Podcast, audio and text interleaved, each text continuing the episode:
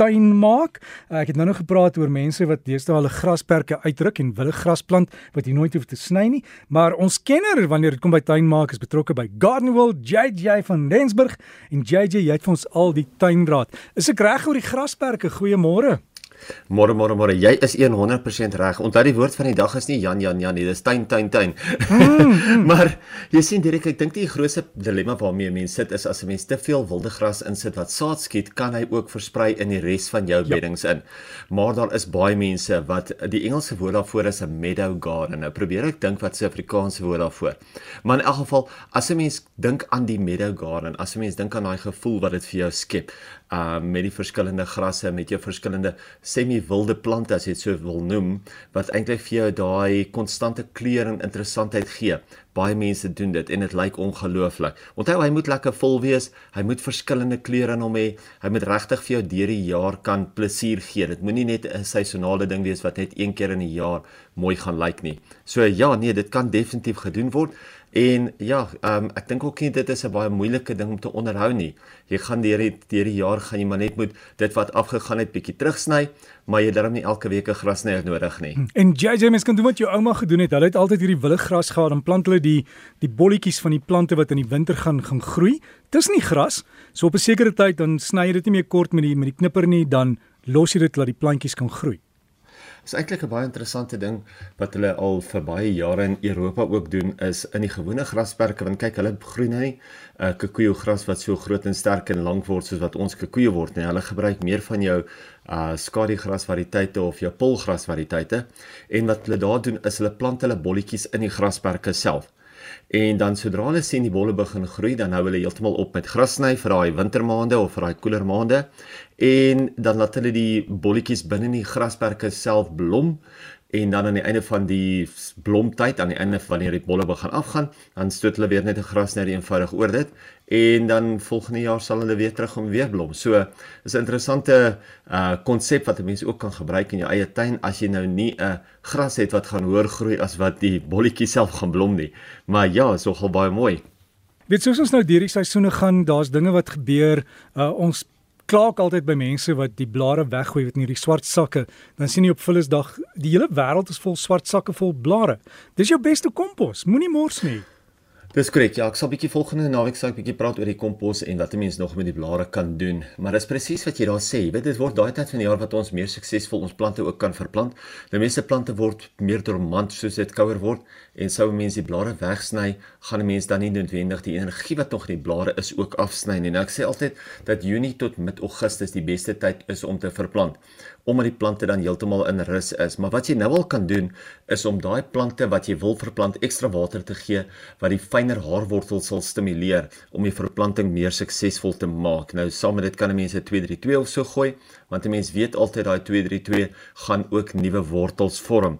So doen dit nou al dan weet jy as jy teen die tyd wat dit kom wat jy wil verplant is daar so baie fyn haarwortels en onthou ek sê altyd daai fyner haarwortels is die meer belangrike wortel om te hê want die groter wortels is die ankerwortels of hulle is die draadwortels, maar die haarwortels is die absorberende wortels en dit absorbeer al die vog en dit maak eintlik dat jou plant baie makliker verplant. Ek begin al hoe meer eintlik saam met die mense stem wat sê dat dit 'n lang koue winter gaan wees. Nou iets wat ons nie altyd in gedagte hou nie, is hoe die skaduwee strek, ja. Die skadu's word heelwat groter en ook heelwat langer in ons tuin en ons tuine word natuurlik donkerder en kouer. Nou ek sê definitief van die digter immergroen struike hier en daar begin uitdun het om meer sonlig in te laat. Nou wat mense in ag moet neem is ook dat baie van hierdie digte immergroen struike help ons ook om die koue winde te keer. Uh so as jy dit wil afskerm, moet jy probeer om meer lig in te laat, maar dit nie noodwendig so oop te sny dat daai koue winde nog steeds gaan deurkom nie, sodat jy wel genoeg son ook in jou tuin kry. Kyk ook bietjie nou na die bome wat jy om jou huis geplant het. Watter van daai bome is bladwisselend en watter bome is immergroen? En kyk waar gaan die bladwisselende bome eintlik vir jou daai baie meer son in die winter gee en natuurlik daai lekker skaduwee in die somer wanneer mense dit eintlik wil hê. Ek baie keer kry, sal ek met mense praat oor bome en dan sal hulle vir my sê nee, hulle soek nie 'n bladwisselende boom nie, want hy maak 'n groot gemors. Nou, 'n immergroen boom maak maak 'n gemors deur die jaar of maak 'n minder van 'n gemors maar wel dwars deur die jaar waar 'n bladwisselende boom een keer 'n jaar eintlik meeste van sy blare afgooi. So dit is baie makliker om dan ook onder dit skoon te maak. Maar dit is belangrik want die sonlig in 'n tuin is baie belangrik. Ek was nou in die laaste ruk by verskeie huise gewees waar mense ook atriums gebou het. En dit het tog nooit kon mooi kry nie. die belangrikste faktore as dit kom by 'n atrium is natuurlik lig heel bo, net soos in jou tuin, jy wil lig hê grondkwaliteit, watertoediening en dan natuurlik dreinering. Ja, met die atriums wat gewoonlik klein is en die mure wat teen aan die atrium is, kry mens gewoonlik nie genoeg lig daar binne nie of die son bak baie hard in die atrium in as hy in die middel van die dag direk van bo af skyn. Dis dan wanneer ek 'n boom of 'n skadu net insit wat die die erge son kan keer. As jy venster aan die weste kant het, kan dit net so problematies wees. Weereens gaan jy ietsie moet insit net om hy sterk weste son uit te hou maar te min lig kan ge, ook gelukkig aangevul word met kunsmatige ligte. So gaan gesels bietjie daarso met iemand by Hardeware en sê vir hulle wat jou dilemma is en hoe jy dit kan aanspreek. Regte kwaliteit grond word ook nie altyd deur die bouers ingesit of ingelos nie en jy kan net dink hoe sleg die plante daarin sal groei. Nou daar haal ons gewoonlik meeste van die grond uit of ons werk geweldig baie kompos in die grond in om die grond beter te kry.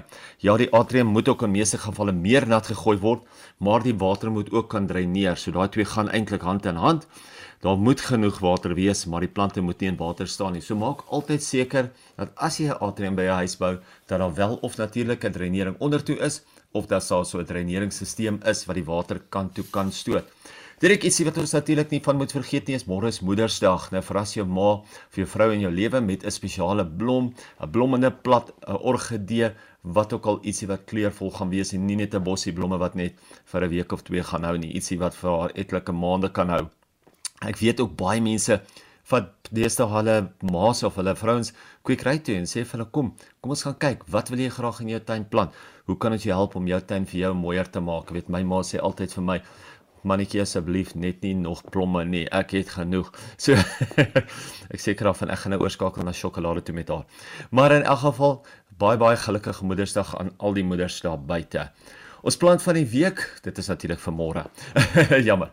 Ons plant van die week hierdie week is sekerlik een van die beste meerjarige skadistruike of skadiskeurplante en dit is, is naamlik die Plectranthus Mona Magic. Nou onthou, Mona Magic is eintlik een van ons inheemse Plectranthus variëteite, maar baie mense ken dit as die stoep jacarandas en almal weet hoe fantasties dit kan groei, maar veral die Mola Magic is een van die kleiner, meer kompakte variëteite wat groot helder persblomme maak.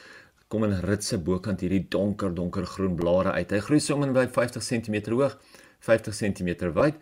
Hy blom soorte sê dwarsteer al die warmer maande. Ek sien van hulle is nou nog in blom in die tuine so Al word dit bietjie koeler, gaan hy vir jou in die koeler maande ook blom. Nou, ek dink net hy gaan in die koudste maande gaan hy nie blom nie. Maar in elk geval gaan kyk bietjie uit. Die Magic Mona is 'n ongelooflike mooi Plectranthus variëteit. JJ, baie dankie vir daai raad. Daar's hy, net so en jy moet jou bolletjies nou in die grond kry, soms so tussen jou grasse, nê? Ek gaan so maak en kan ek waterblommetjies in Gauteng groei? Waterblommetjies groei fantasties in Gauteng. Jy weet Baie dankie. Het, dankie JJ.